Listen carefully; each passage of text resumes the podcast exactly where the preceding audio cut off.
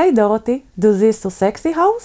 Willst du in meiner Zimmer kommen und meine neuen Spitzeäuge sind? את בסדר? כן, פשוט, אה, היי ממי, הכל פה רטוב. כן, זה חזק ממני. אוקיי, טוב, אנחנו נמשיך את זה אחר כך. טוב. הפודקאסט מכיל שפה בוטה, תיאורים מיניים מפורשים, לא מצונזרים ולא מתנצלים. ומי שלא טוב לו, יום טוב לו.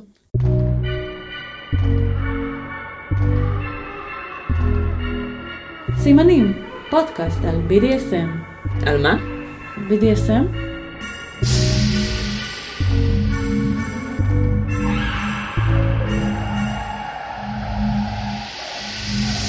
היי דורותי, היי אלינור. מה העניינים? טוב, מה איתך? טוב, איך עבר עלייך השבוע? היה מצחיק, נפגשתי השבוע עם אה, חבר שלי, נקרא לו עין. אה, דיברנו, והוא מאזין אה, נלהב של הפודקאסט, אנחנו זקנים, אז דיברנו על טיפולי שיניים ועל בעיות שיניים, כי זה, כי זה מה שמדברים עליו בגיל שלי. ואז הוא אמר לי, את יודעת, כאילו זה נורא מעניין אותי, כשאת הולכת לרופא שיניים, אז איך זה? כאילו, איך את עם הכאב? זה שאת מזוכיסטית, זה, זה גורם לך להתייחסות אחרת לכאב? יותר קל לך אצל רופא שיניים? זאת הייתה שאלה נורא, כאילו, קודם כל שאלה מעניינת ונכונה. נשאלת לא מעט. היא נשאלת לא מעט. על מזוכיסטיות ועם מה... איך, המערכת יחסים שלך עם כאב, באופן כללי, כשזה לא תחת uh, המעטה של ה-BDSM. נכון. ואז אמרתי שבאמת, כאילו, אחד הדברים זה שקודם כל, לא, לצערי יש לי המון בעיות בשיניים, ואני כאילו, מגיל 15 בטיפולי שיניים בלתי פוסקים. אם יש מישהו שרוצה להיות השוגר דדי שלי לעניין, אני אשמח. אבל כן, מה ש... שאמרתי ש... כאילו, אני אוהבת נורא את רופא השיניים שלי הספציפי, אבל אני שונאת ללכת לטיפולי שיניים. נורא כואב לי. כן, סף הכאב שלי גבוה. כן, אני כנראה מתמודדת עם כאב יותר טוב מאנשים אחרים, אבל לא, אני לא נהנית מהכאב. כלומר, זה לא כמו אה, בחנות קטנה ומטריפה, שיש שם את הרופא שיניים הסדיסט, ואז יש את אחד המטופלים שבא ורק רוצה שהוא כל הזמן יעשה לו טיפולי שיניים, כי הוא נהנה מה, מהטיפולי שיניים האלה. אני ממש לא, זאת אומרת, זה, זה לא כאב שאני נהנית ממנו. כן. נכון. אה, וסטיב מרטין המעולה בתפקיד של הרופא שיניים הסדיסט. אני חושבת שרוב המאזינים שלנו כאילו לא מכירים בכלל, זה לא, נראה לי, צעירים.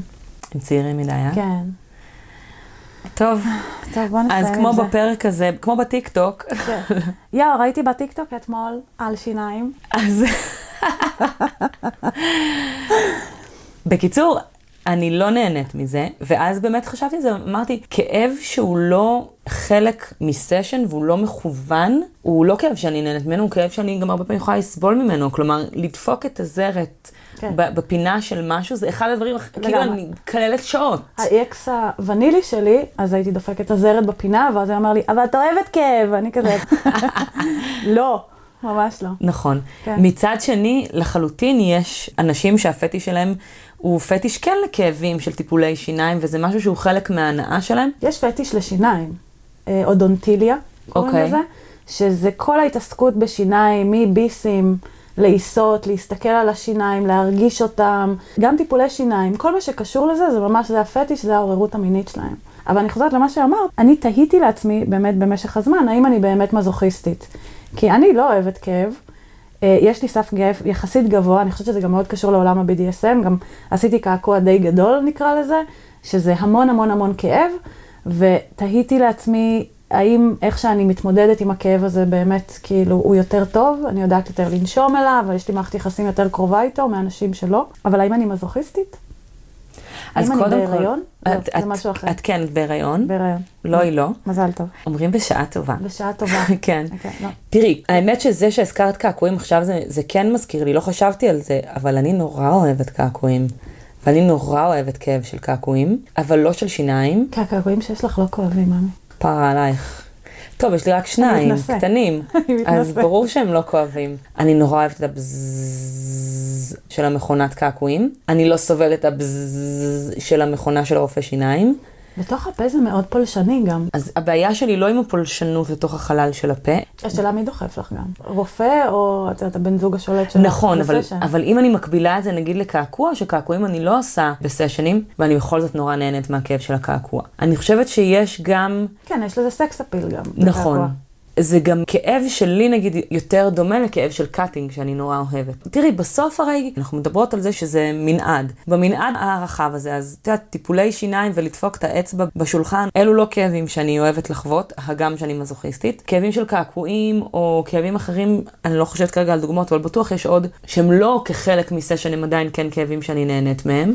וכאבים כחלק מסשן הם כאבים שאני נורא אוהבת. אני חשבתי שזה תמיד, אה, אני אוהבת את הכאב ממקום של ריצוי. זאת אומרת, מי שאיתי, שעושה לי סשן, שמעניק לי את הכאב, הוא נורא נהנה מזה, ואני נורא נהנית להעניק לו את ההנאה הזאת. אז יש את זה, מעבר לזה שבתוך כל הכאב יש גם את הדופמין שמשתחרר, והסרטונין, והאנדרופינים, וכל הגודיז הזה בתוך הגוף, והספייס, והאינטימיות, והמפגש של אתה עכשיו מאוד מאוד קינקי, אני עכשיו מאוד מאוד קינקית, אנחנו נפגשים ב space המאוד מיוחד הזה. אבל כן, לא כאב משל עצמו. זאת אומרת, זה מאוד... וגם בתוך, נגיד, סשן impact, יש כאבים שונים. כן. יש את המצליפים המאוד חדים, שאני כאילו, אני שונאת אותם, ואני כאילו, אאו, אאו, אאו, אאו, אאו, כזה, ויש כאב uh, כבד, של flogger כבד.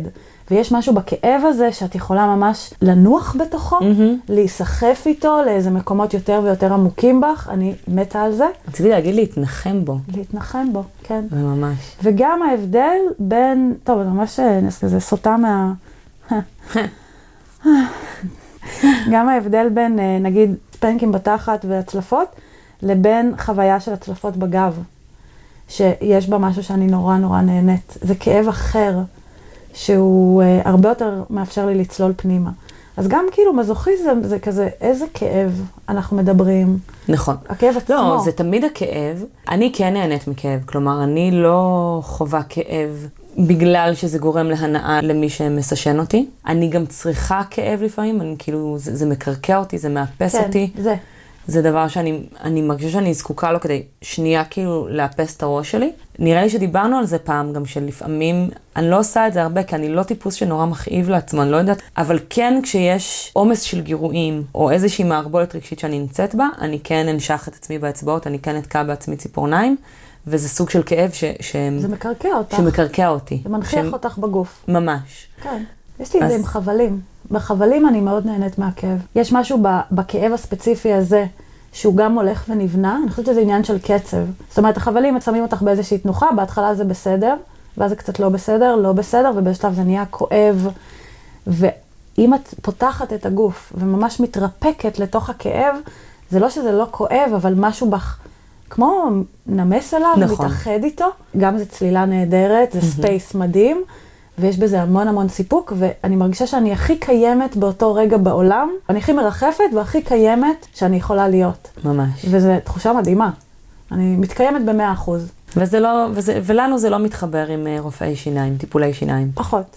פחות. אולי יש כאלה כן, שכן, לא. תכתבו לנו אם זה... כן. זה יהיה מעניין לשמוע. יהיה להם כאלה, יש לכם גם רופא שיניים חתיך, אז... אז תכירו לנו אותו. תפנו אותו, תגובות. אוקיי, הפרק שלנו היום, הקצוות של הקצוות. חיכית לזה? חיכיתי לזה מאוד, אני מאוד אני. חובבת קצוות. טאבואים בעולם ה-BDSM, ובעולם שלנו בכלל, אני אגיד איזשהו דיסקליימר כשעבדנו על הפרק, יש אינסוף דברים שבארץ הם משהו שלא נוגעים בו. בארצות הברית יש דברים שלא נוגעים בהם. טאבו הוא משהו שהוא יחסי, בכל התרבויות שהן.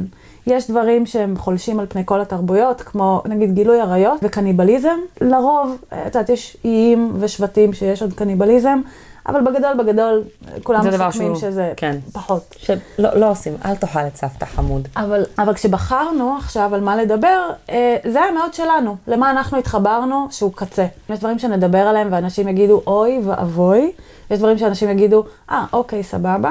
ונגיד עוד משהו, כשחיפשנו על הטבואים השונים, נגיד אני כתבתי The most extreme practice in BDSM, ואז נפתח איזו רשימה שבערך 19 מתוך ה-20, את ואני עושות כל שבוע שני, נכון, בימי שישי. בדיוק. זה משהו שישבתי. אה, זה נחשב טאבו, זה נחשב קצה, זה נחשב קיצוני כן. ב-BDSM. גולדן שעה, אוקיי, אה, הכאה, אנחנו, כאילו זה הפרק הראשון שלנו. כן. אז זה באמת, זה עניין של יחס, ופשוט בחרנו לנו. אז אני את החיפוש בנושא הזה עשיתי בפט לייף, שפט לייף היא, היא בעצם רשת חברתית שכל כולה מוקדשת ל-BDSM, וכל מי שפותח שם פרופיל. פייסבוק ו... של אה, בדיוק, קינקים. פייסבוק של קינקים, אבל באמת יש שם גם קבוצות תחת נושאים, ובלוגים, ו... ופרופילים אישיים וכן הלאה. אז הסתכלתי כדי לראות ככה מה, מה מאוד מאוד שכיח ומה פחות שכיח, וזה היה מאוד מעניין. קודם כל, בקינקים המאוד שכיחים, זה דברים שאת ואני אפילו לא מכניסות אותם לתוך השיח על, אה, על BDSM, זה גם באמת לא ממש BDSM, אבל זה באמת כל מיני קינקים של מין אנאלי ובלואו ג'ובס וכאלה, שזה אפילו לא קינק, אבל בגלל זה זה גם הכי שכיח. זה הכי מתנשא סוטה, אני לא יודעת מה זה, מתנשא סוטה? זה. מה, מין אנאלי ו... כן, לא, אבל זה, זה מצחיק, כי אני, בהתכתבותיי בטינדר במבל, אז גם, אז אה, בנים, אה, אז BDSMית, שיא השיאים בפנטזיות זה אנאלי ולגמור על הפנים. אני כזה, וואו, תקשיב, יש עוד עולם שלם כזה. כן. אז זה נורא הצחיק אותי. כן, אז, מין אנאלי. אה, אז זה... זה באמת הכי שכיחים. ואז התחלתי לרדת יותר ויותר למטה. אז עכשיו, כמו שאת אומרת, באמת הרבה מהדברים שירדתי למטה, אני כזה, מה, אבל אני, אני מתה על זה, מה, אבל אנחנו עושים את זה כל הזמן, מה, אבל זה לא... מה זה אומר עלינו? מה זה אומר עלינו? אני לא יודעת, זה אומר שהתחביבים שלנו הם מסוימים, מפוקפקים. אה, קיצוניים, מרימים גבה. אה, פסיכי, אוקיי. כזה. אבל באמת הגענו לפרקטיקות שנדבר עליהן היום, ולא כולם יסכימו איתנו. נכון. ובא לנו פשוט לדבר עליהן. נכון. אז אוקיי. אז בעיה שלכם, אתם פה, בדיוק. קהל שבוי. בקטנה על ההיסטוריה של המילה טאבו. המילה הזו הגיעה מהשפה הפולינזית. מה זה פולינזית? את שואלת? זה האיים הפולינזים. זה קבוצת איים באוקיינוס השקט. היה שם, אה, יש שם עדיין חברה שנקראת אה, חברת אבן. מה שזה אומר שהם לא פיתחו כתב.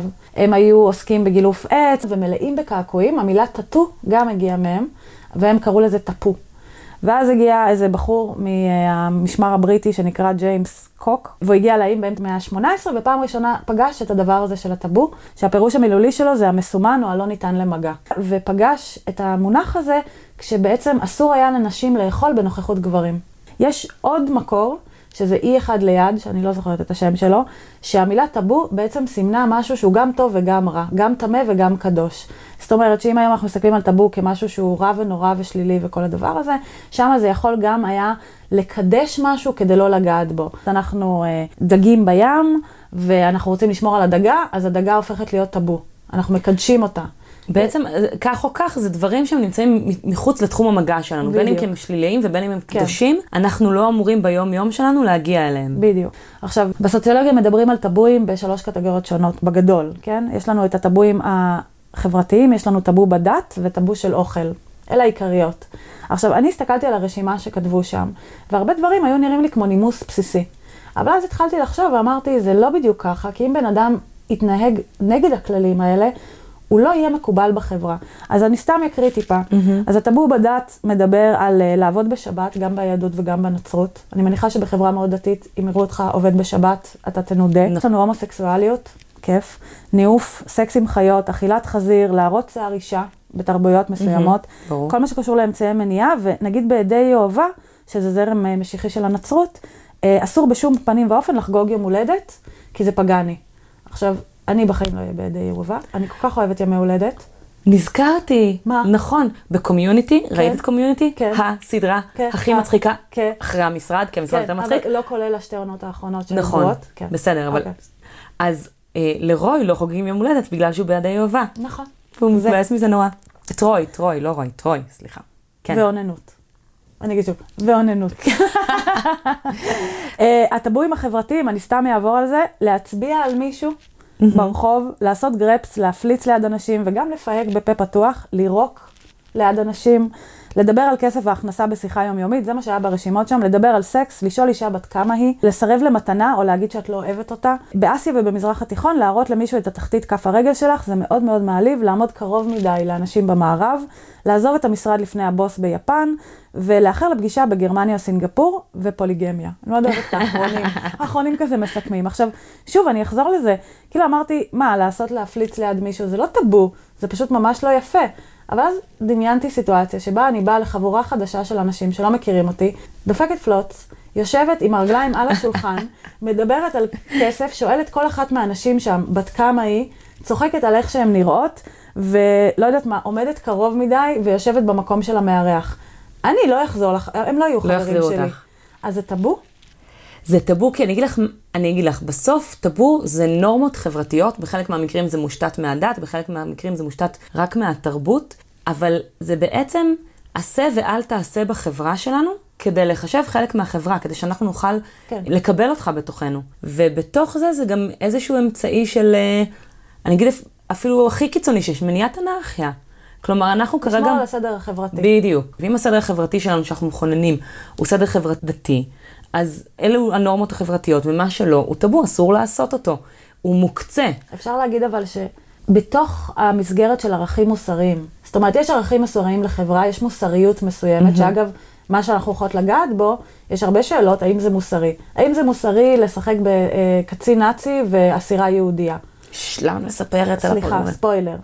אבל זו שאלה. נכון. ואז השאלה, מה זה מוסרי? והטאבו הוא משהו שבפומבי אסור לגעת בו, אבל בחדרי חדרים כן, וחלק מהטאבואים כן מעוגנים בחוק, וחלק לא. שזה גם, כאילו, אני בטוחה שזה חוג בסוציולוגיה. זה כאילו, חוג בפילוסופיה. בפילוסופיה? לגמרי. לא, תתנסי עליי. לך, לא, אני אגיד שבפילוסופיה מאוד מתעסקים בזה, לא רק בעניין של טאבו, אבל כן אה, על ההבדל בין חוק ומוסר. כלומר, לא כל דבר שהוא חוקי הוא, הוא. גם מוסרי, ולא כל דבר שהוא לא חוקי הוא לא מוסרי. בדיוק. כלומר, יש כל מיני דברים, לעבור ברמזור באור אדום, זה לא לא מוסרי.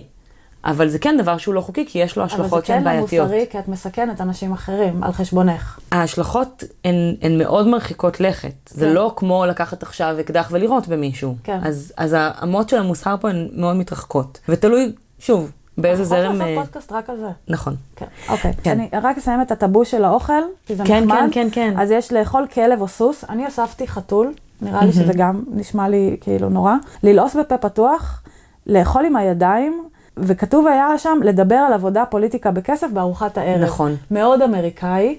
עם אמריקאים אסור לדבר על כסף. בכלל. צריך לדבר על funds, את לא אומרת money. כל מי שהיה מתכתב במייל עם איזשהו מוסד אמריקאי או מישהו אמריקאי יודע שאסור לדבר על כסף, אה, לא פוליטיקה, ויש דרכים מאוד מאוד מסוימות לגשת לעניינים האלה. אי אפשר לדבר על זה. זה מאוד מעליב. ובאמת, כמו שאת אומרת, הדבר המאוד מעניין בטאבו, שזה תלוי קונטקסט מקומי ותלוי קהילה.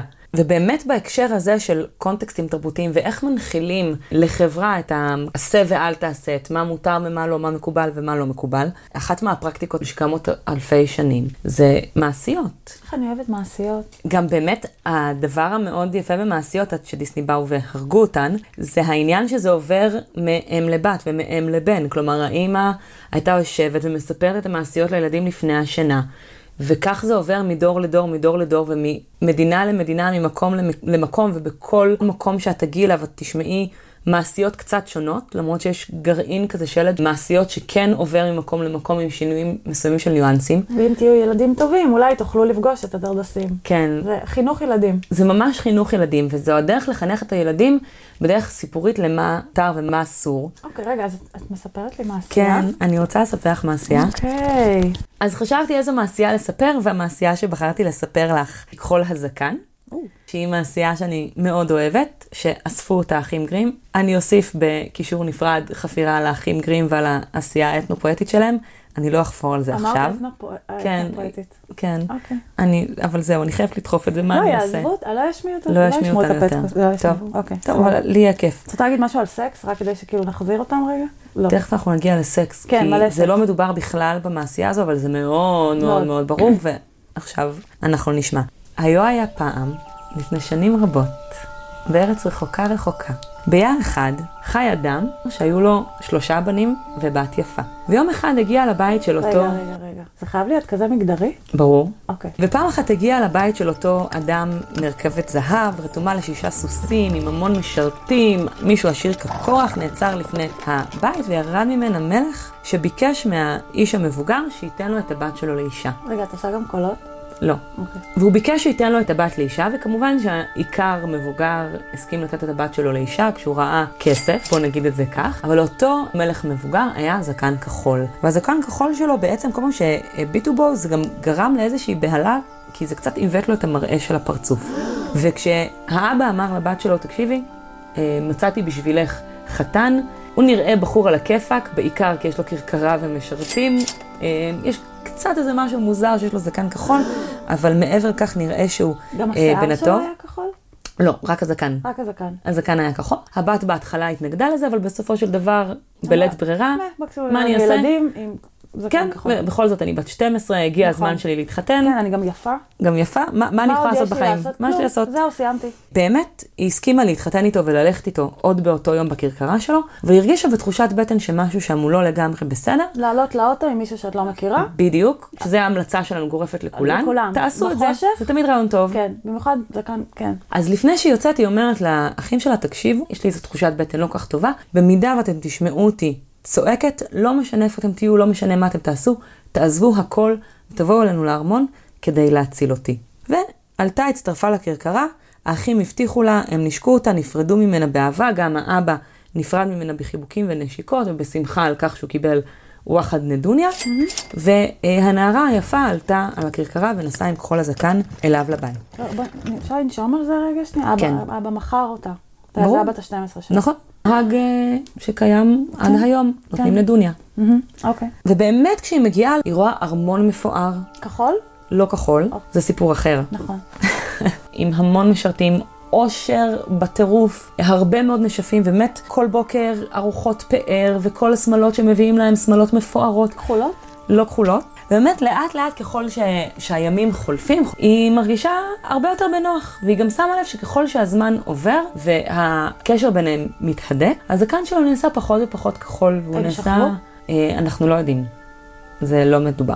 אז הזקן שלה הפך להיות פחות כחול. פחות ופחות כחול, והיא יותר הרגישה טוב והתמקמה בארמון, ובסך הכל הייתה מאושרת. אחרי מספר ימים שהם אה, גרו ביחד, הוא אמר לה, תשמעי, מספר ימים כל זה קרה? כל זה מספר ימים. אז זאת אומרת, היא בת 12 ומה, שישה ימים? משהו כזה. הגיע לפריקה. הגיע. אומר לה כחול הזקן, תשמעי, עליי לצאת למסע ארוך. אני נותן לך מפתחות לארמון כולו. את יכולה להיכנס לכל החדרים, את יכולה להשתמש בכל הדברים, את יכולה לבקש כל מה שאת רוצה מהמשרתים, להשתמש בכל הכסף שאת רוצה, אבל רק דבר אחד, את המפתח הקטן ביותר בצרור, הוא מתאים לדלת אחת, שאליה אסור לך להיכנס. והוא אומר לה, אם את תפתחי את הדלת עם המפתח הזה, חייך יהיו אבודים. היא לקחה את המפתחות והבטיחה לציית, וכשהוא נסע היא באמת פתחה את כל הדלתות בזו אחר זו. כל דלת שהיא פותחת, היא רואה אוצרות ואושר גדולים ורבים מהדלת הקודמת שהיא פותחת. ובאמת היא ככה עוברת את הדלת הראשונה, והדלת השנייה, והדלת השלישית, הרביעית, החמישית והשישית, והיא מגיעה לדלת השביעית. עכשיו היא אומרת לעצמה, מה יכול להיות? הרי מכל חדר שפתחתי, רק האושר והזהב והדברים המופרכים שראיתי הלכו ועלו.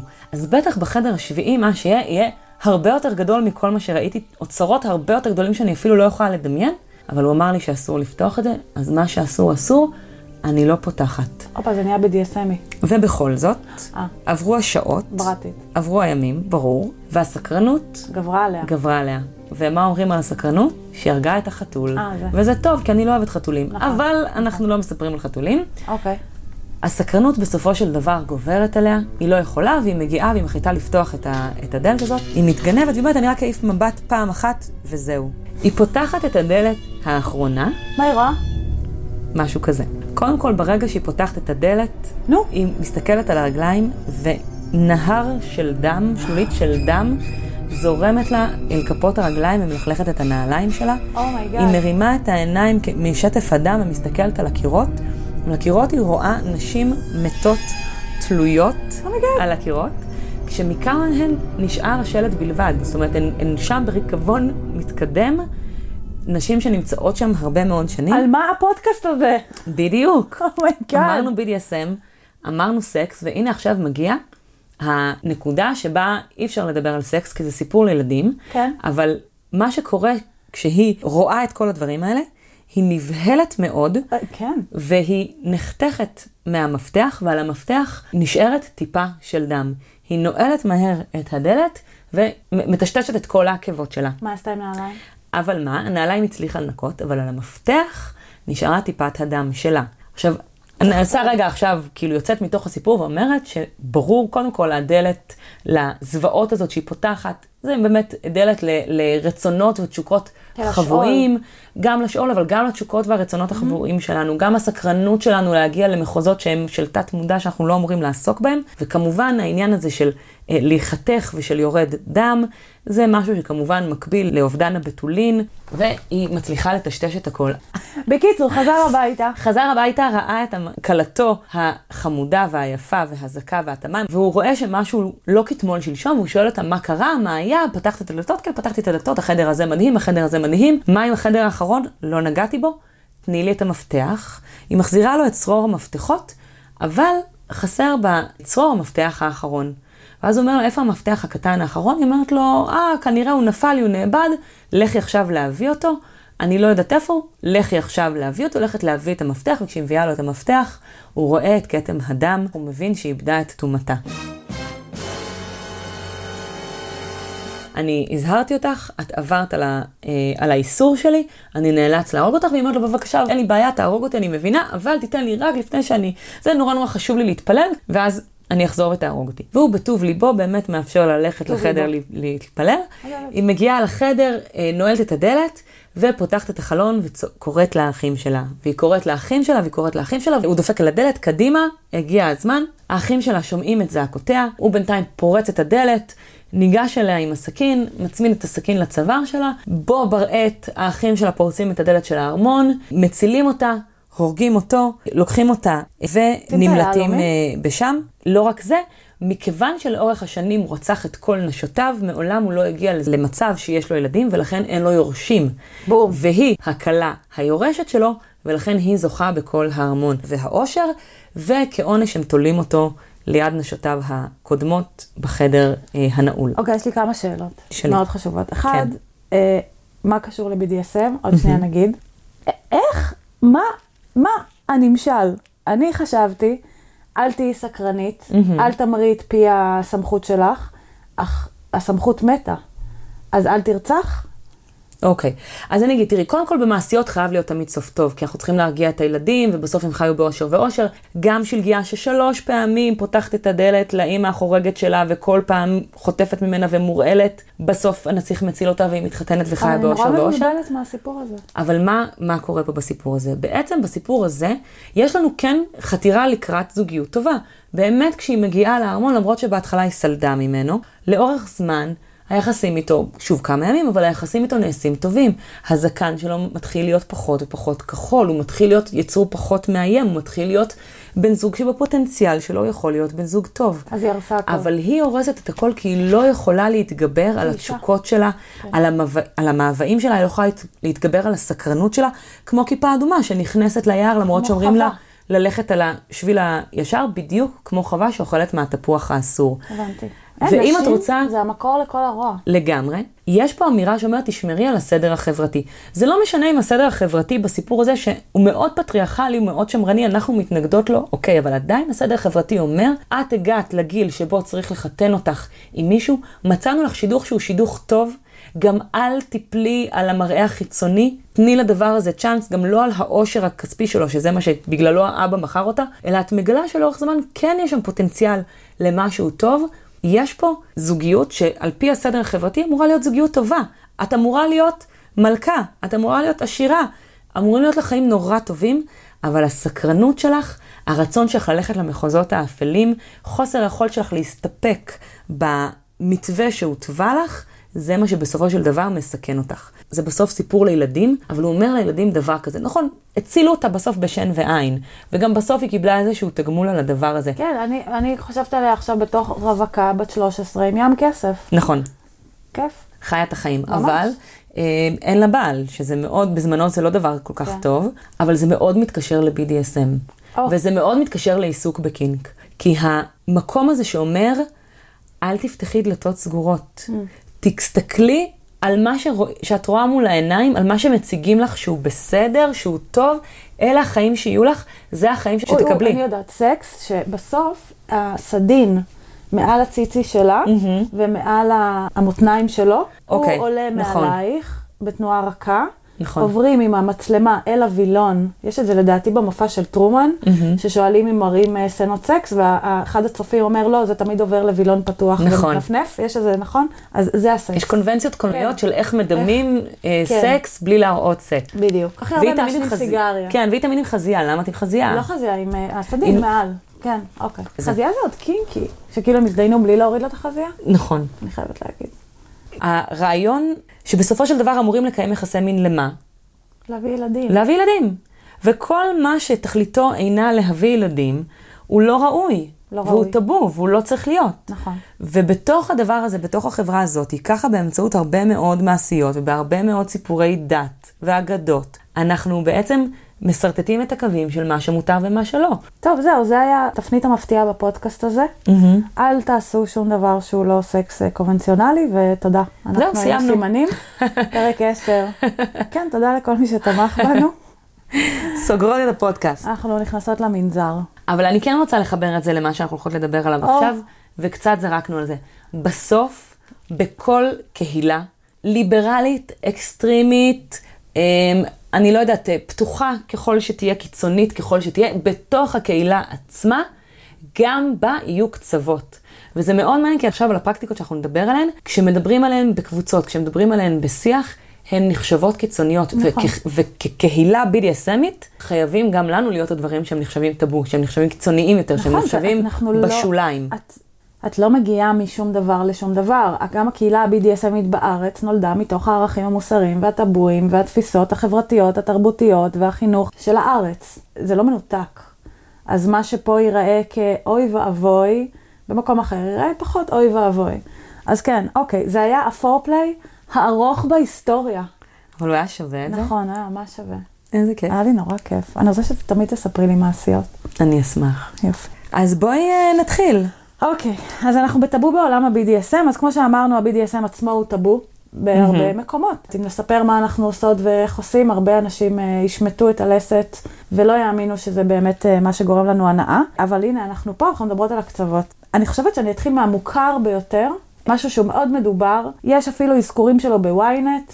שנשים שמפנטזות על זה, ובתוך קבוצות ה-BDSM שאנחנו נמצאות בהן, פט לייף והדיבור הרווח, זה משהו שעולה מדי פעם ומדברים עליו כמשהו מאוד מסוכן, שצריך להתכונן אליו, שצריך היכרות מאוד מאוד מעמיקה. יש הרבה אנשים שאומרים, אני לא נוגע בזה, ושמבחינה חוקית זה מאוד בעייתי. סשן חטיפה ואונס. אה, sensual non-consent. בדיוק. סשן חטיפה ואונס בגדול הוא משהו, את רוצה שיפתיעו אותך, יחטפו אותך למקום אה, לא מוכר, בגדול, כל אחת עם הזה שלה, ויאנסו אותך. עכשיו, מצד אחד זה אינטנס, מצד שני זה נורא נורא מרגש, ומצד שלישי השאלה איך עושים את זה. אחד הדיונים זה אם עושה את זה מישהו שאת מכירה, את מריחה אותו, את מכירה את המגע, את יודעת שזה הוא, הלך המשחק. אז אנחנו שם, אנחנו לא שם. האם צריך לדעת על הכל מראש? האם צריך לדבר רק על גבולות מראש? זה דיון לא נגמר, הוא יכול לעורר המון המון המון טריגרים. זה סשן מאוד מאוד בעייתי. אני לא יודעת להגיד אם ראוי שיישאר בתחומי הפנטזיה. זה מאוד כזה. מורכב, זו הסיבה שאנחנו מדברות עליו כאן כסשן של הקצוות, כי זה לא סשן שאפשר לעשות אותו בקלות ראש, זה סשן שעלולות להיות לו השלכות מאוד מאוד גדולות, שלא יכולנו לצפות אותם, הוא יכול להציף אה, טראומות, או ליצור טראומות, בלי שהתכוונו לזה. יש גבול עד כמה אנחנו מכירים ויודעים ויכולים להכיר את המנגנונים הפסיכולוגיים שמופעלים אצל הנשלט או הנשלטת שלנו כשאנחנו וגם אתה על עצמך, את לא יודעת מה עצמך. יתעורר בך ב- בסיטואציה כזו. נכון מאוד. אז הוא באמת נמצא ככה בפרקטיקות שהם מאוד מדברים עליהן כקיצוניות, אבל אנחנו דווקא רצינו לקחת אה, דיון קצת יותר רחב על סשן שהוא גם נחשב בקצוות, והוא דומה במובנים מסוימים לסשן של חטיפה ועונש, זה- וזה סשן סרסרות. נכון. הרבה יותר רווח, אני אגיד יותר קל ליישום, אין את אלמנט ההפתעה. זה יכול להיות עם שני אנשים, זה יכול להיות במועדון של מלא אנשים שאתה לא מכיר, זה יכול להיות עם אנשים שאתה קבעת איתם מראש, זה יכול... זאת אומרת, אפשר להתאים את הסוג של הסשן יותר לבן אדם. כשאני שנייה כן חוזרת לסשן חטיפה ואונס, זה תחת הדבר הזה, זה תחת גורם ההפתעה והתחושה שבאמת אה, אונסים. אבל אה, סרסרות הוא יותר, זה נורא מצחיק להגיד את זה, אבל הכל יחסי להכל יחסי, זה יותר עדין, אפשר יותר לרכך. את זה. בכלל, מהצד הנשלט, אני יכולה להגיד, זו השפלה אולטימטיבית. החפצה. זו החפצה אולטימטיבית. יש פה שליטה מאוד מאוד משמעותית. כלומר, הנשלטת, הנשלט הופכים להיות לחלוטין כלי שעומד לרשותו של השולט, שולטת שלהם, והוא פשוט מוכר אותם. כמובן שזה משהו שנעשה כסשן והוא לא נעשה על אמת, שמאפשר לחוות מקום של חוסר אונים ושל החפצה ושל מכירה, בלי האלמנטים המסוכנים שיש בתוך הדבר הזה. השולט, השולטת שמארגנים את זה כמובן מוודאים שכל הדברים מוסכמים וברורים מול האנשים שמשתתפים בסשן הזה, ועדיין, עם כל כמה שאני הייתי, כאילו, זה, זה דבר שהוא נראה לי מדהים ומרגש ומרתק, ויש פה משהו, לא יודעת, מסקרן כאילו, כמה ישלמו עליי, איך אני אעריך את זה, איך אני ארגיש את זה, איך אני ארגיש כשיהיה דבר כן. כזה. מצד שני, לא השתתפתי אף פעם בסשן כזה, ו- והיה לנו דיון על זה באיזושהי קבוצת חברים. אני אגיד משהו רגע על הדיון. תגידי על הדיון. לפני שתספרי כן. משהו אחר על זה, שלגבי הכסף, בתוך הדיון היה לי ולמישהי שם איזה הסכמה על זה, שנגיד, אם אני רואה את עצמי בסשן כזה, אני אמביוולנטית, יש משהו בהחפצה הזאת עם הרבה אנשים שמאוד עושה לי את זה, משהו בחלופת כסף לא עושה לי את זה, עושה לי turn off, כסף באופן כללי mm-hmm. עושה לי turn off, חבל, נכון? כן. נחמד אם זה היה מחרמן אותי. אבל מה שדיברנו שם והסכמנו בינינו, זה שאם כן בכל זאת הייתי משתתפת בסשן כזה, אז סכום סמלי כמו חמישה שקלים עבור מציצה או עשרה שקלים עבור לגעת בה, היה מרגיש כאילו זה משחק וסשן. אבל אם היה סכומים של 500 שקל, 1,000 שקל, 2,000 שקל, או סכומים של, כאילו, כי השיחה הייתה באמת כמה אני שווה. עכשיו, obviously שאני לא שווה 10 שקל, אבל מותר לי להחפיץ את עצמי רגע. כן, ברור. אבל אם זה היה סכומים אמיתיים נקרא לזה, אז זה היה עובר שם איזשהו גבול, כי פתאום זה היה מתחיל להרגיש אמיתי, שבאמת מסרסרים בי. משהו בסכומים הקטנים של השקל, חצי שקל, רק בשביל המעבר הזה, העברת של החומר. של החליפין. החליפין, בדיוק, עדיין משאיר את זה בתחומי הסשן, שהכסף מהווה שם גם איזשהו אלמנט.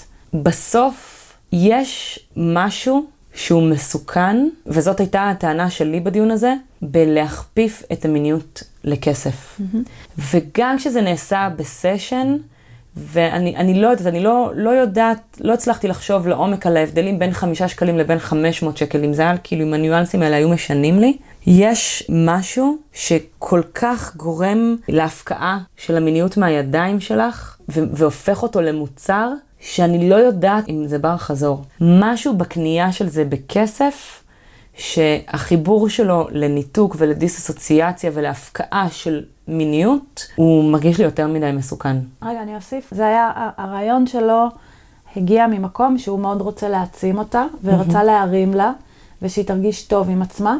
היא מבחינתה הזו, היא רצתה להיפתח לאפשרות של מיניות ומגע עם עוד אנשים חוץ מהדום שלה. שזה העניין שלהם מורכב, והם רצו לעשות את זה דרך הסשן של סרסור שהיא הציעה. Mm-hmm. והוא חשב שכסף, גבוה ככל שיהיה, ירים לה. ויש פה בעייתיות מאוד מאוד רצינית. קודם כל, אני מסכימה עם כל מילה שאמרת. החיבור לכסף עם מיניות ממש מפקיע את המיניות שלך, את ההנאה שלך, את הדבר הכל כך אינטימי, אישי שלך, מעצמך, והופך אותו לכסף הוא מטבע, סליחה על הרוחניות, בסדר? כסף זו אנרגיה מאוד מאוד חזקה. זה מטבע חליפין הכי חזק שיש. וברגע שזה עומד מול המיניות שלך, זה יושב גם על אלפי שנים של זנות, של מכירת נשים, של עבדות, של הפקעת העצמאות שלך במקומות מאוד מאוד מאוד עמוקים, בזיכרון קולקטיבי מאוד נכון. מאוד עמוק. שיושב שם ויכול לערער משהו מאוד מאוד פנימי. ונחזור לדיון. מה שיפה היה בדיון הזה, שהוא באמת חשב על הסשן הזה, והביא את זה לחברים והתייעץ איתם ורצה לשמוע עוד דעות, גם של נשלטות, גם של נשים, ובכלל עוד זוויות ראייה. ומה שהתחיל בתור רעיון לעשות סשן של סרסרות בעיניים עצומות, מי שרוצה נוגע בה ומשלם כסף, שזה הכיוון היה בהתחלה. אחרי דיון מאוד דומה למה שאנחנו ככה. עכשיו דיברנו, זה עבר למשהו אחר לגמרי.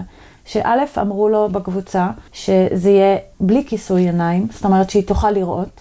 הדבר השני החשוב זה היה בלי כסף. נכון. הדבר השלישי העוד יותר חשוב ונורא יפה בעיניי היה שהיא תבחר מי נוגע בה. נכון. היא תגיע ותגיד, אלה עשרה אנשים שאני רוצה ומוכנה שייתנו לי מגע. והבחירה שלה, השליטה שלה בסיטואציה, מי נוגע בה, מי, אה, עם מי היא מרגישה מיניות, והיא רואה אותם בעיניים פקוחות ולא חסרת אונים, מה שהוא בעצם רצה בסשן, שזה להחזיר לה את הביטחון במיניות שלה, לרפא שם איזשהו מקום, יחד איתה, כן? הוא לא המטפל שלה, הם עושים את זה ביחד, זה הגיע ממנה, חשוב לי לציין. פתאום נוצר מתוך הדיון הזה איזשהו סשן נורא נורא יפה, של ריפוי מאוד מאוד עמוק. עם אנשים שהיא סומכת עליהם, ושהיא, היא עשתה את האקט, היא בחרה בעצמה. נכון. אז אולי זה לא נכנס לתוך סשן סרסרות, ממה לא, שהתחלנו, אבל אבל, אני- זה התגלגל משם, וזה היה דיון נורא נורא יפה. ואני רוצה להגיד עוד משהו שאני חושבת שהוא הוא מדהים, זה לבוא ולהתייעץ. כלומר, למצוא את החבורה של האנשים שאתה סומך על דעתם ואתם פחות או יותר רואים את הדברים בדרך דומה, אבל לא, לא זהה, כי אז מן הסתם תקבל רק את הדעות שלך, ולהתייעץ על פרקטיקות ולהתייעץ על סשנים ולחשוב ביחד, כי הרבה פעמים תקבלו פרספקטיבות והצעות ותובנות ושאלות שינווטו את הדברים למקום אחר, יסייעו לכם להפוך את הסשן להיות מהודק יותר. וטוב יותר. ועוד דבר שאני אגיד, נורא חשוב לי להגיד בדבר הזה, ש-BDSM זה לא טיפול. זה לא מחליף טיפול, זה לא. לא הופך להיות טיפול. אני רוצה לעשות משהו כי אני חושבת שהוא ייטיב עם, עם הנשלט או הנשלטת שלי, אבל זה לא דרך לטפל בהם, בטח לא במקרים של פגיעות מיניות, שצריך לטפל בהם באופן מסודר על ידי מטפלים מוכשרים לכך. סופר חשוב להגיד. טוב, אנחנו נעבור יחסית, יחסית מהר על כמה פרקטיקות מאוד מוזרות ומשונות שבחרנו לדבר עליהן. breeding. רוצה לדבר על breeding? כן. יאללה. אז breeding, האמת שאני נחשפתי לזה באיזשהו פודקאסט אה, ששמע, שאני שומעת באנגלית על, אה, על BDSM, נורא מוצלח, ואז הם סיפרו שלאחת מהן, אה, היא והשולט שלה, הם אה, מאוד בעניין של breeding, ובעצם breeding זה פרקטיקות שכוללות הריון.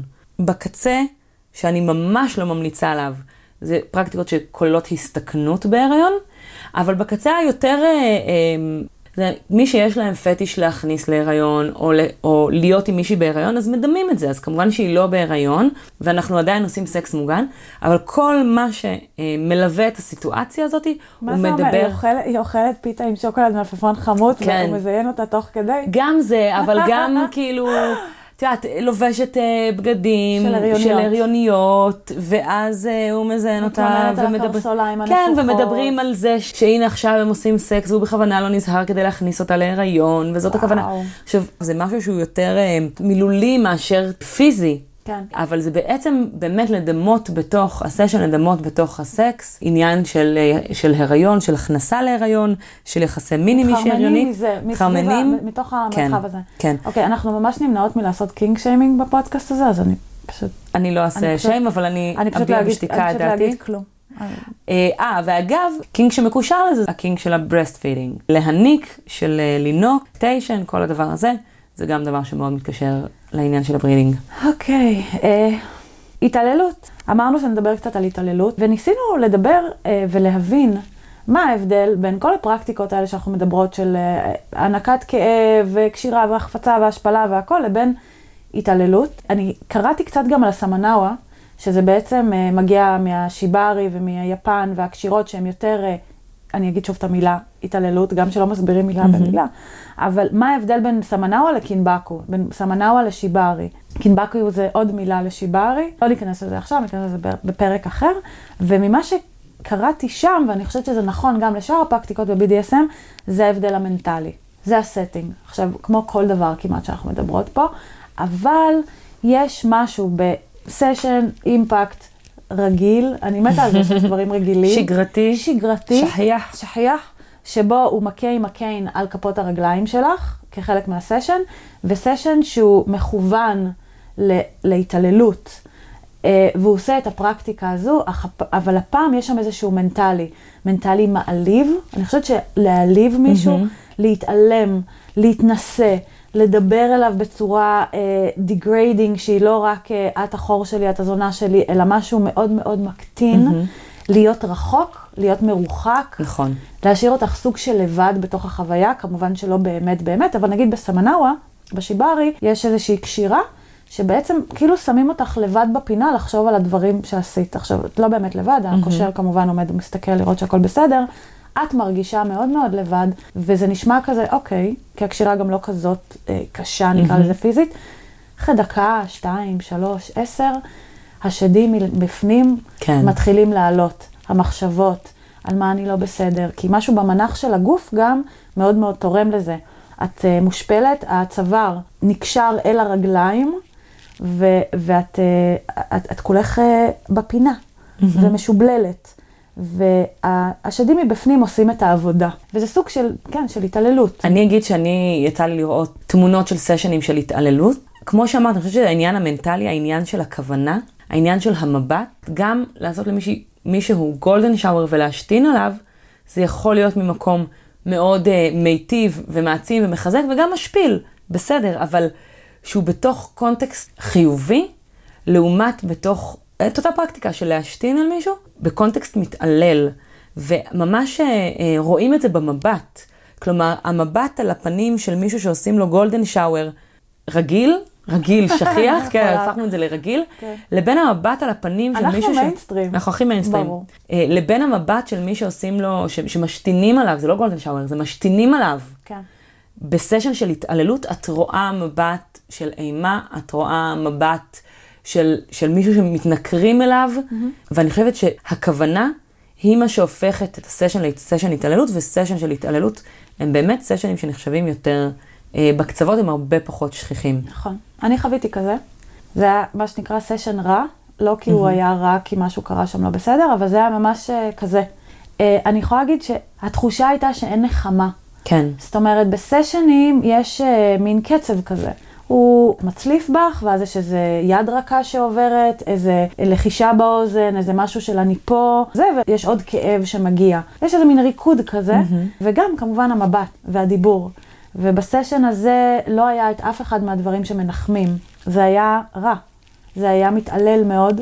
זה נמשך מפרקטיקה לפרקטיקה לפרקטיקה, כאילו היה שם כמה דברים, גם שאהבה, גם אימפקט, גם קשירות, גם כל מיני כאלה, שבשום מקום לא מצאתי את הביטחון ואת האהבה ואת הנחמה שלו במשך כל השעה וחצי, שעתיים אה, שזה היה.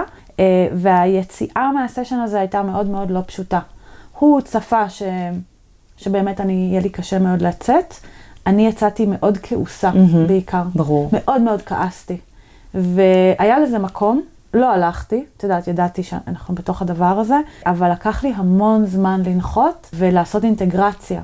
והאינטגרציה הזאת נמשכה הרבה מאוד זמן אחר כך, המון שיחות על זה, המון הכל, ולהבין מה היה שם בדיוק. למה זה היה. וזה היה איזשהו קצה שגירדנו ובדקנו. אני חושבת שזה הדבר בסוף באיזשהו אופן אני כן צריכה להבין למה עכשיו עשית את זה.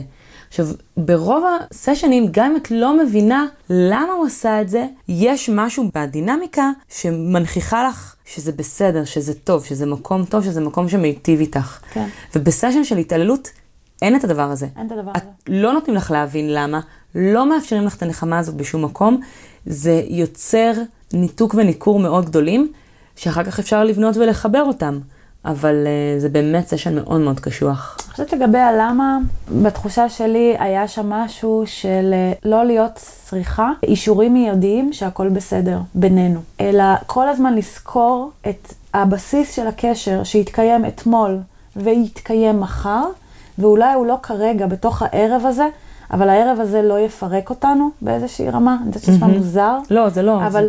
זה איזשהו משהו של... אני התמסרתי, אנחנו עכשיו בתוך סשן שבו אני לא מקבלת מח... שום נחמה, אבל בתוך תוכי אני יודעת שאתה שם בשבילי. אני יודעת שאתה מטיב איתי.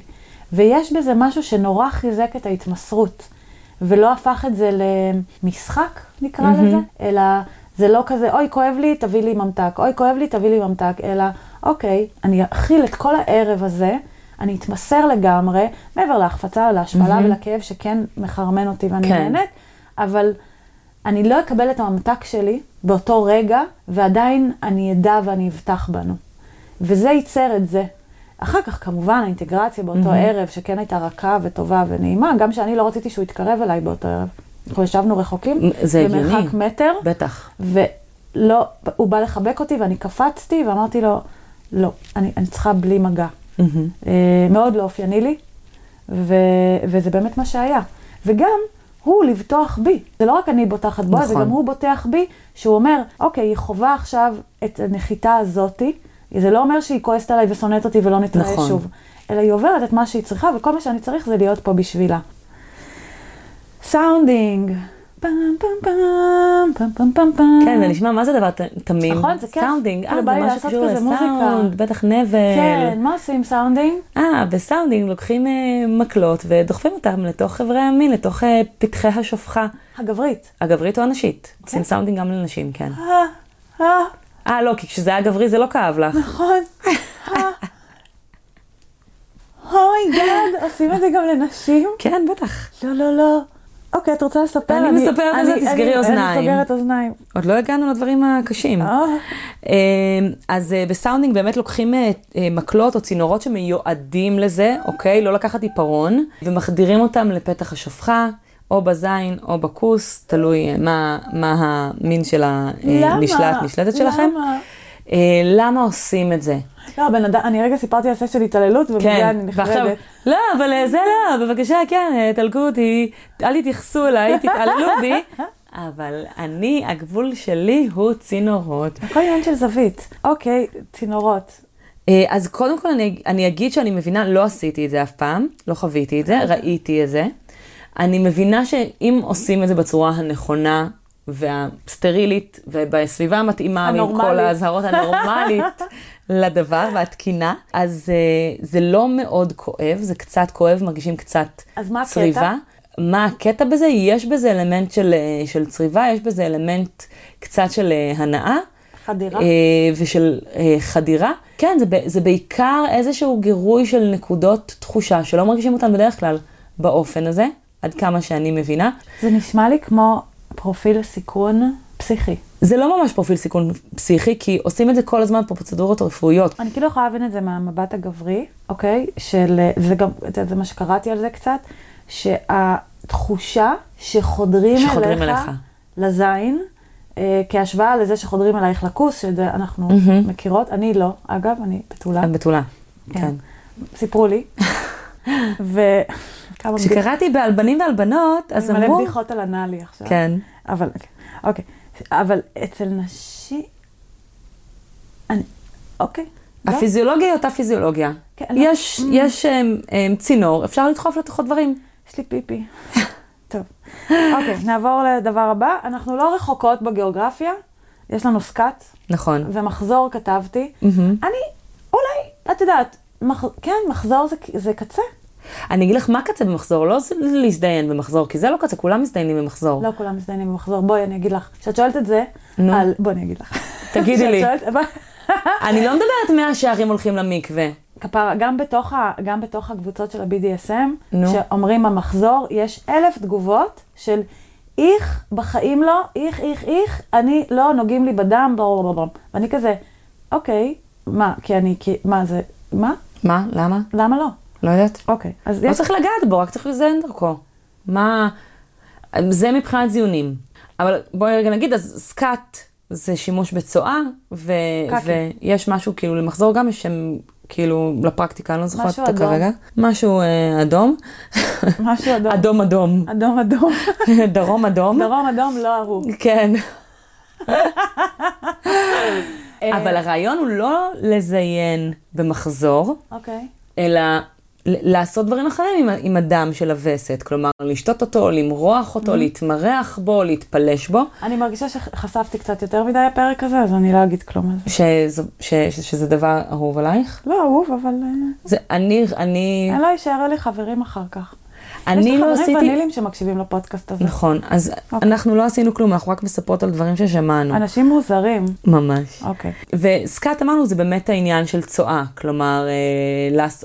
החל מפשוט לעשות צרכים... על בן בנוכ... לא, אפילו לא על בן אדם, בנוכחות של אדם אחר. אני קוראת לזה כל יום בבוקר, אבל בסדר. ולהמשיך באמת ל- ל- להתמרח בזה, למרוח בזה, את זה, לעשות עם זה יצירות מסוימות. יצירות? את יודעת, לעשות, אה, אגב, גם עם דם עושים את זה, כאילו... וואו, איזה פרק קשוח. זה פרק קשוח. אנחנו נעשה disclaimer. כן. גם עם דם של וסת, יש כאילו שעושים כחלק מסשן אבל, מורחים אה, צבעי הסוואה על הפנים, או מורחים אה, על בד, ועוש- על קנבס ועושים מזה יצירה, אז גם מצואה יכולים לעשות אה, את דברים יכולה כאלה. לראות מישהו שיורד לך ואת במחזור, ואז הוא כזה מרים את הפנים. ואז כולו כזה, אה, אכלת קובה. סלק היום. את יודעת שהייתה לי איזו מחשבה קטנה, אה, אני משתפת, של אה, כזה לצאת מהארון בפני אימא שלי אולי בסופש, ולהגיד לה, אימא, עשיתי פודקאסט, וזה פשוט, hell no. זה שרף את הרעיון הזה. הרס אותו, אין, לא יקרה. אז אם דיברנו על לשרוף, כן. אנחנו יכולות לעבור ל branding? רגע, אני רק אגיד משהו על scat, כן. שחברים שהיו בגרמניה, במין טירת משחקים, עכשיו הגרמנים כמו הגרמנים יודעים גרמנים. שצריך, אה, היה שם חדר של סקאט. עכשיו, אם זה לא היה בגרמניה, היית אומרת, אוי ואבוי, אבל הם אמרו שזה כאילו היה נקי, בקטע מפגר. הם כאילו מנקים אחרי זה, את יודעת, אני לא יודעת מה, איזה חומצה הם שופכים שם על כל החדר, אבל זה היה חדר הסקאט. הם לא העזו להתקרב לזה, אבל אה, וואלה, כאילו, קורה. תראי, אין לי, אין לי מה להגיד על זה, לא מהפטישים שלי, זה לא מהתחביבים שלי, באמת לא עשיתי את זה אף פעם, לא השתתפתי בכזה סשן. זה לא קינק שלי, אבל אם השולט שלי ירצה, זה, לא, זה גם לא גבול אדום בשבילי. בתור הורה לילדים שהחליפה אחד, שניים, מאות חיתולים בחייה, בואי, קקי זה קקי, זה לא כזה, זה מסריח, זה מגעיל. אני מרימה את זה של הכלב כל היום עם שקית, נכון, זה עם השקית ולא עם הידיים שלי, אבל אנחנו כאילו, זה חלק מה... זה, בקיצור, זה... לא, not- אבל חתולים לא. ברור, איכס, גועל. אוקיי, אז אנחנו עוברים ל... אמרנו לשרוף. אה, בואי, ל... כן, branding, נעשה רגע קפיצה ל branding. אוקיי. branding זה בעצם אה, מה שעושים אה, לפרות כשרוצים לסמן אותן. זה לקחת כל דבר מברזל, לחמם אותו, ואז לצרוב איתו את העור. מגולבן? ו- מגולבן, ולהשאיר סימן. עכשיו זה מדהים, גם יש את הרעש של הצ... גם יש את לא הריח של העור כי יש השרוף. את הרעש של כאילו של צרחות. כן, אבל גם יש כאילו, את, את כן שומעת את קצת, את מריחה שנייה, בואי רגע, אני שואלת, את חווית branding? כמה וכמה וכמה פעמים. מה את אומרת? כן, את לא יודעת? אה, אה, יש לי כאן, תסתכלי. יש לי עוד צלקות כאן. אוקיי, כן, אוקיי. כן, אני, אה, כן. מה שהשולט שלי עשה, הוא לקח מצית עם קנה ארוך, כזה שמדליקים איתו גז, שהקנה הוא פשוט יותר ארוך. אה, הוא מדליק את סתם אותו. אוהבת להגיד קנה ארוך. נכון. אוקיי, קראתי לך. תראה לי את הקנה הארוך שלך. יואו, הקנה שלך כל כך ארוך. חמודים, אבל זה לא האורך, זה הרוחב. אוקיי, ו... או, סוף סוף. דברי טעם בפודקאסט. כן, סוף סוף משהו רציני. אה, משהו טיפ לחיים. טיפ, נכון? כן, אוקיי. זה ואל. תתקשרו לאנשים, זה מ... אל תתקשרו לאנשים, זה הקודם. נכון. הוא, הוא מדליק את המצית הזאת כך שהקצה שלה מאוד מאוד מאוד מתחמם, ואז ברגע שעוברות כמה שניות וזה ממש ממש לוהט, הוא מצמיד את הקצה של המצית כנגד האור שלי, וזה יוצר uh, צריבה. אני אשאל, למה? למה? למה? Um, וואו, קודם כל זה כאב אחר, הוא כאב אחר מהצלפות, הוא כאב אחר מ- ממחטים של מדיקל. Uh, מה זה אחר? תתארי לי אותו.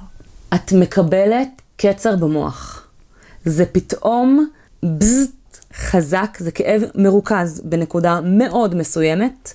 גם אחרי שמזיזים כבר את, את המתכת, את מרגישה עוד למשך כמה שניות כאילו היא עדיין שם. זאת אומרת, זה נמשך למשך מן הסתם יותר זמן ממה שזה באמת צורב אותך. הספייס הוא משוגע. שלא לדבר על אלמנט נוסף שקיים ב branding, וזה העניין של הסימון. כלומר, חלק מהסיבות או מהגבולות ש- של לבצע branding, מכיוון שזה משהו שהוא קצת משחק, מתקרב למגרשים של ה body modification. שעוד רגע ניגע בזה? בדיוק, כי זה משאיר עלייך צלקת שהיא, תראי, היא לא permanent, כן? הצלקות שאת רואה כאן הן כבר בנות שנה וחצי והן יחסית מאוד דהויות. זאת אומרת, עוד שנתיים לא, לא יהיו לי אותן, אבל...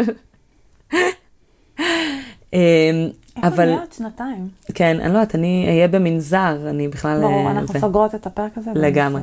אז, אז זה משאיר סימן, והעניין של ה branding זה עניין של סימון, כלומר זה שולט, שולטת, שמשאירים את הסימן שלהם, הרבה, הרבה פעמים לוקחים ברזל שמעצבים אותו בראשי תיבות של השולט או עם כל מיני אה, צורות. אנחנו נעבור ל cell popping מאוד מאוד מהר, ואנחנו נקפוץ שנייה ל body modification, כי אני חושבת שזה מאוד קשור. אז את כן. רוצה רק בשתי משפטים cell popping. cell popping זו שיטה שהיא קצת דומה ל branding, אבל היא קצת שונה, היא בעצם לקחת סוג של אה, מחט עם קצה עגול, שאותה מחממים ואיתה עושים נקודות של צריבה על העור. עכשיו, מכיוון שזה ממש נגיעות של נקודה בעור, בעצם עושים את זה למשך זמן קצת יותר ממושך וזה מפוצץ את התאים של העור. זה נקרא cell popping, וגם אפשר לעשות עם זה ציור. כי עושים נקודה, נקודה, נקודה, נקודה. אני מודה שראיתי שכתבת cell popping, חשבתי שזה הוצאת שחורים, וזה הגעיל אותי עד עמקי נשמתי. כן, כל עכשיו זה יותר מרגיע. כן, ממש, אבל אה, אנחנו, אני קופצת ל body modification, וממש במשפט, כל מה שהוא שינוי בלתי הפיך, או הפיך לטווח קצר או ארוך, זה כמובן, יש תמיד את המנעד הזה, אה, בגוף של הנשלט או הנשלטת. זה יכול להיות תספורת, זה יכול להיות גלח, זה יכול להיות עגילים, זה יכול להיות אה, איך אה, לעצב את הציפורניים שלך. זה יכול להיות branding, cutting של עובר, קעקועים. אני אקפוץ ואגיד שיש דבר כזה שנקרא אקרוטומופיליה, שזה פטיש לאיברים קטועים. Mm-hmm. לא ניכנס לזה, זה פטיש יחסית די מוכר בקרב אנשים שאוהבים איברים קטועים. Mm-hmm. זה מה שעושה להם את זה, זה הפטיש שלהם, הם יכולים לפנטז על זה, הם יכולים לבקש ממישהו שיקטע להם את האיבר, זה לא חוקי. Mm-hmm. לא משנה איזה חוזה.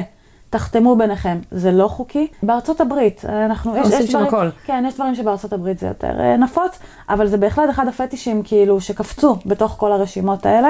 ואני חוזרת למשהו מאוד נחמד, שהוא משחקי תפקידים. משחקי תפקידים, כמובן, הם לא בקצוות. תלוי איזה. תלוי מה משחקים. נכון. אוקיי. את רוצה לספר לנו במה משחקים? אז אני אגיד שמשחקי תפקידים שנחשבים בקצוות, זה משחקי תפקידים שבהם אה, לוקחים אה, תפקידים שהם תפקידים של טאבו. סוהרים וחיילים נאצים, אסירים ואסירות יהודים, שזה אומר ממש ללבוש לבוש מלא של חייל נאצי עם כל המדים והעיטורים. פה בארץ הרבה פעמים משחקי תפקידים של אסירים פלסטינים, לעומת אה, שובים יהודים, ישראלים, כלומר, אני עכשיו במדי צה"ל, אבל אם אני במדי צה"ל זה לא פטי של מדים. אלא של, של כובש, כובש ונחבש, כלומר זה לקחת דברים... כל הדברים האלה שעושים לך, אוי ואבוי, לא נעים לי. כן. אני, מה, מה את מדברת? נכון, זה כזה. נכון. זה הכל, כן. ואני אגיד, תראי, תראי, למה זה נחשב בקצוות? כי בסופו של דבר, אם את תבואי למועדון, לא משנה איפה בעולם, ואת תיכנסי או מישהו ייכנס לשם במדים מלאים נאצים, רוב האנשים ירימו גבה, עד כדי יש סיכוי שלא ייתנו לו להיכנס לא, למועדון. את יודעת שאסור לתת את השם אדולף היטלר בעולם, זה לא חוקי. Mm-hmm. בישראל, זה לא חוקי בגרמניה, לדעתי, ובעוד כמה מדינות. אתה לא יכול, אתה בא לרשום את הילד שלך, התינוק שלך, mm-hmm. אתה לא יכול לקרוא לו ככה. נכון. אה, כן. אני כן אזכיר שני דברים בהקשר הזה של חיילים נאצים ובכלל מדים נאצים ולבוש נאצי. קודם כל יש את uh, תומו פינלנד, שהוא צייר, רוב היצירות שלו, הציורים שלו, שנות ה-70, שנות ה-80 של המאה הקודמת, הם לעולם הגייז, לעולם של ההומואים, הוא צייר הרבה מאוד אינטראקציות מיניות בין גברים, מאוד מאוד פורנוגרפיות, מאוד מאוד חשופות. ואצלו בציורים הרבה מאוד פעמים הגברים נמצאים בלבוש של מדים נאצים, כלומר זה כן דבר שחוזר אצלו הרבה מאוד בציורים. אני חושבת שזה סוג של אקסיומה, כן. שהשואה, הנאצים, they're the bad guy. נכון, רוע מוחלט. כן, רוע מוחלט, כל העולם סבל מזה בצורה זו או אחרת, אלא אם כן אתה תלכי לאיזשהו שבט אה, באפריקה, תשימי את המדים האלה של זה, יסתכלו עלייך, יגידו לך, היי. נכון. לא חם לך? כזה. אבל נאמר שבחברה המערבית זה איזשהו טאבו. טאבו. נכון. מאוד מאוד מאוד כולל. אבל מרחק הזמן הוא מאוד מאוד חשוב. היה, השואה הייתה לפני 80 שנה. כן. מיד אחרי הטראומה אי אפשר היה לצחוק. too soon, מה שנקרא. Mm-hmm. היום את יכולה לספר בדיחות שואה גם בארץ, את יכולה קצת יותר. היה עכשיו את הסטורי של אנה פרנק. כן. ביום השואה. זה היה שימוש, חלק אמרו ציני, חלק אמרו הדרך להגיע לדור הצעיר. לא רואה את זה קורה, עזבי עניין טכנולוגי, לא רואה את זה קורה לפני 40 שנה. וקשור לזה זה העניין של גזענות. שבגזענות זה בעצם באמת לקיים סשן של השפלה שמתבסס על אלמנטים גזעניים. כלומר, אם יש אה, שולטת לבנה ונשלט שהוא אפרו-אמריקאי, זה יותר נפוץ בארצות הברית, לקיים סשן של השפלה שמבוסס על האלמנטים הגזעניים. זה גם דבר שהוא מאוד בשוליים, הוא מאוד טאבו אני מנסה לחשוב שנייה רגע, לקחת רגע צעד אחורה מה, מהדבר הזה, ולנסות להבין, האם זה נכון גם לכל הפרקטיקות? האם זה נכון גם לזה שאת מכופפת, אה, את יודעת, עם אה, תחת חשוף ומרביצים לך, מצליפים בך, אני חוזרת לפרקטיקה הכי כאילו רגילה, אנחנו mm-hmm. בפרק הזה, וגם למשהו כמו אה, השואה, או את יודעת, אסיר פלסטיני ודברים מאוד מאוד מאוד רגישים. ואני אומרת, הרעיון הוא להתעסק עם אי נוחות. נכון. עד איפה אנחנו מתעסקים עם אי נוחות. אוקיי, לא נוח לי להיות חשופה ככה עם התחת בחוץ ושמצליפים בי, אבל זה נהוג יותר. לא נוח לי להתעסק עם נושאים של שואה, כי מהבית שלי יש משהו כך וכך, פחות נוח לי. נהיה לך כזה חוסר נוחות בגוף. כשאת דיברת על אסירים פלסטינאים ושובים אה, יהודים וחייל צה"ל, אני היה לי קרינג' מפה ועד, אני כזה, וואי, כל כך לא נוח לי הנושא הזה. אני יכולה לספר לך? חוסר נוחות, כאילו, מטורף. ו- ואז השאלה, כמה אתה אוהב להתחכך על חוסר הנוחות שלך, המנטלית, נכון. קודם כל, הדברים האלה של הגזענות זה קודם כל המנטלית, והפיזית הוא התופעת לוואי של זה. אם אתה מזיין אותה, או אתה משפילה אותו, או אם את מרביצה לו, לא משנה, הפרקטיקה. זה יותר מנטלי, העניין של הגזענות ומשחקי תפקידים, כן. כאילו. אבל את יודעת, גם פרקטיקות של כאב, בסופו של דבר זה להרגיש את הגוף שלך, זה לאתגר את הגוף שלך, זה להרגיש את הקצוות שלו, וכמה את יכולה או רוצה, או עושה לך טוב למתוח את הדבר הזה ולהרגיש את הקצוות של הקצוות. ובסוף אני מניחה שגם יש משהו כזה, את יודעת מה, אני לא יודעת אם אני מניחה, זאת שאלה. האם ככל שאת נכנסת ומעמיקה, או נמצאת יותר שנים, או מנהלת את אותן פרקטיקות לאורך זמן, האם העצבים שלך מתקהים, וצריך להעלות את סף הגירוי כדי להשיג את אותם אפקטים? אני חושבת שאנחנו יצורים מאוד סטגלטנים, מאוד מאוד, מכל הבחינות.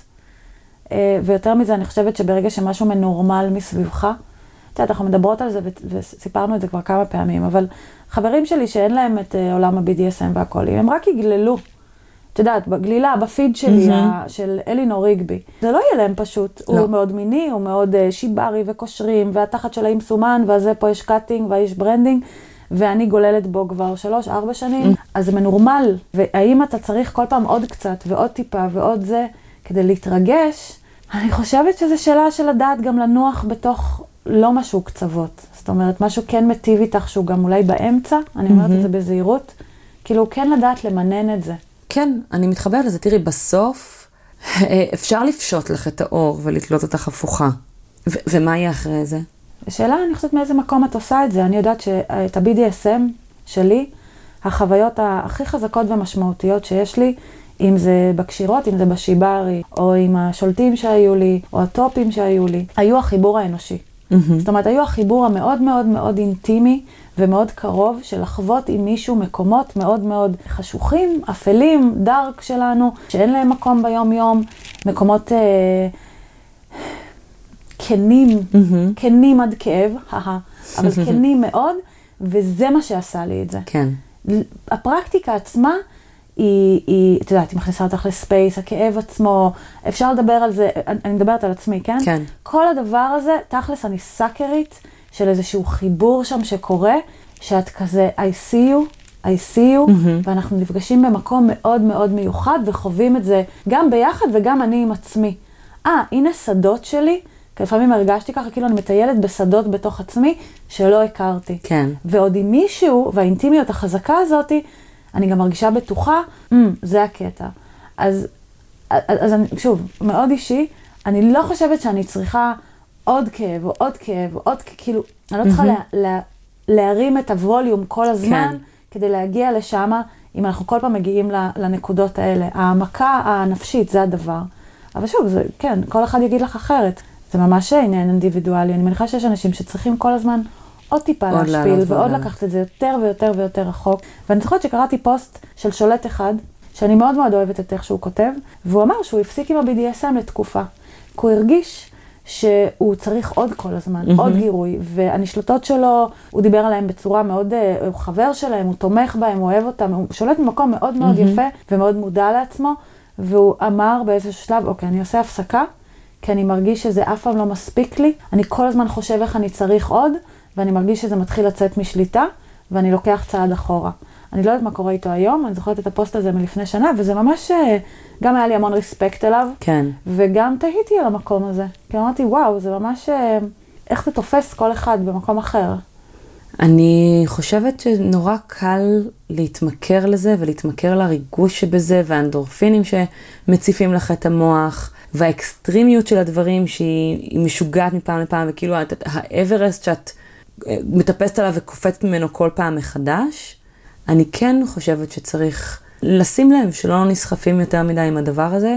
החיבור לחיים מאוד חשוב. אני, את, את, האיזון, כן. האיזון, בסוף בדיוק. איזון, כאילו זו המילת מפתח, זה הכי אה, זן שאת תשמעי ממני, אבל האיזון הוא מאוד חשוב, כלומר... אה, יותר מזה, זה גם, אם אתה לא משקיע בחיים שלך היומיומיים, ואתה משקיע רק בזה, וזה קורה הרבה פעמים, אני חושבת, בהתחלה בעולם כן. הזה, כל האנרגיה שלך הולכת לזה. ומשהו בחיים שלך הופך להיות מאוד אפור, נכון. מאוד דל, הטיפוח הקשרים שלך מלפני עולם, כאילו, יש שם משהו שמצריך איזון, לזכור שגם היום-יום, כדי לא לאבד את עצמך, זה נשמע מה זה obvious ותוכנית אמריקאית. לא, אבל זה, אבל אבל זה לא זה מאוד- מובן מאליו, וכן אני אגע בעוד, בעוד נקודה, שזה באמת העניין של הפרנזי. זה נכון לכל מי שנכנס לאיזה שהן חוויות שהן, שהן אקסטרימיות, וזה מאוד נכון ל-BDSM, זה החנות ממתקים, שאתה נכנס ל- למקום, פתאום יש לך חנות ממתקים, כל מה שהיה אסור, והיה טאבו, והיה מאחורי הדלת, והיה נעול, ואמרו לך לא, לא, לא, לא, לא,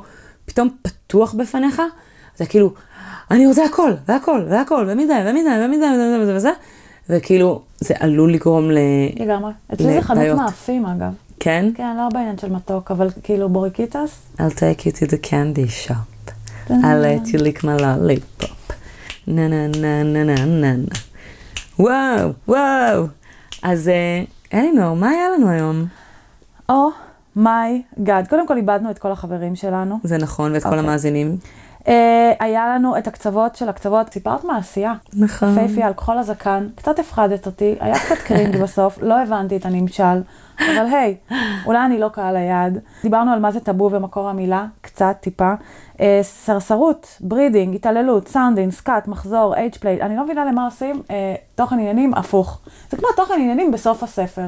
זה. כדי שאחרי זה אם יבחנו אותך ולא הקשבת, תוכלי רק לשמוע. את הדקות האחרונות ולדעת על מה היה. בביוגרפיה, אוקיי. היה פרק אה, לא פשוט, אני חייבת להגיד. כאילו, הפך לי את הבטן מעט, אבל היי, אמרנו שנעשה אותו. נכון. אוקיי. פרק הבא זה הפרק ייי, שדורותי ייי, חיכתה לו. מהיום שהיא נולדה. ממש לפני 12 שנה. אני כמו הנסיכה בכל איזה... אני 12 שנה ושישה ימים. ובעצם זה הפרק שלה, אני לא יודעת אם אני אבוא, אני... אה, אני צריכה שמישהו יחבר לי את הרמקול, את המיקרופונים. וואו, יאי. הולכת לפטר אותי ולסגור את הפודקאסט. ממש. פרק הבא הוא על תרבות בתוך עולם ה-BDSM. שירה, קולנוע, ספרות, אה, ת- תבואו, זה יהיה מעניין נורא. אתם יכולים להקשיב לפרק הזה, ואז להתנסה על כל מי שלא הקשיב לפרק הזה. נכון, לגמרי. כן. אני אתן מראה מקום. אנחנו היינו סימנים. אתם יכולים למצוא אותנו בכל האפליקציות הידועות לאדם על פני כדור הארץ. תמליצו עלינו, תספרו לחברים שלכם, תדרגו אותנו, שנקפוץ לכולם. תצטרפו לקבוצה שלנו, בפייסבוק שנקראת סימנים, אפשר לשאול שם שאלות שרלוונטיות לפרק, להלל אותנו. להלל אותנו, לשבח אותנו, לספר לנו כמה אנחנו יפות. ופרק הבא, חוץ מתרבות, יש לנו גם הודעה חשובה מאוד להמשך. פעם, פעם, פעם, פעם, פעם, פעם, אנחנו לא אומרים אותה עכשיו? פעם, פעם, פעם, פעם, פעם. אנחנו עושים edging? כן, יאללה, שולטות אכזריות אנחנו. ברור. תודה רבה. תודה, דורותי. תודה אלינור. ביי. ביי.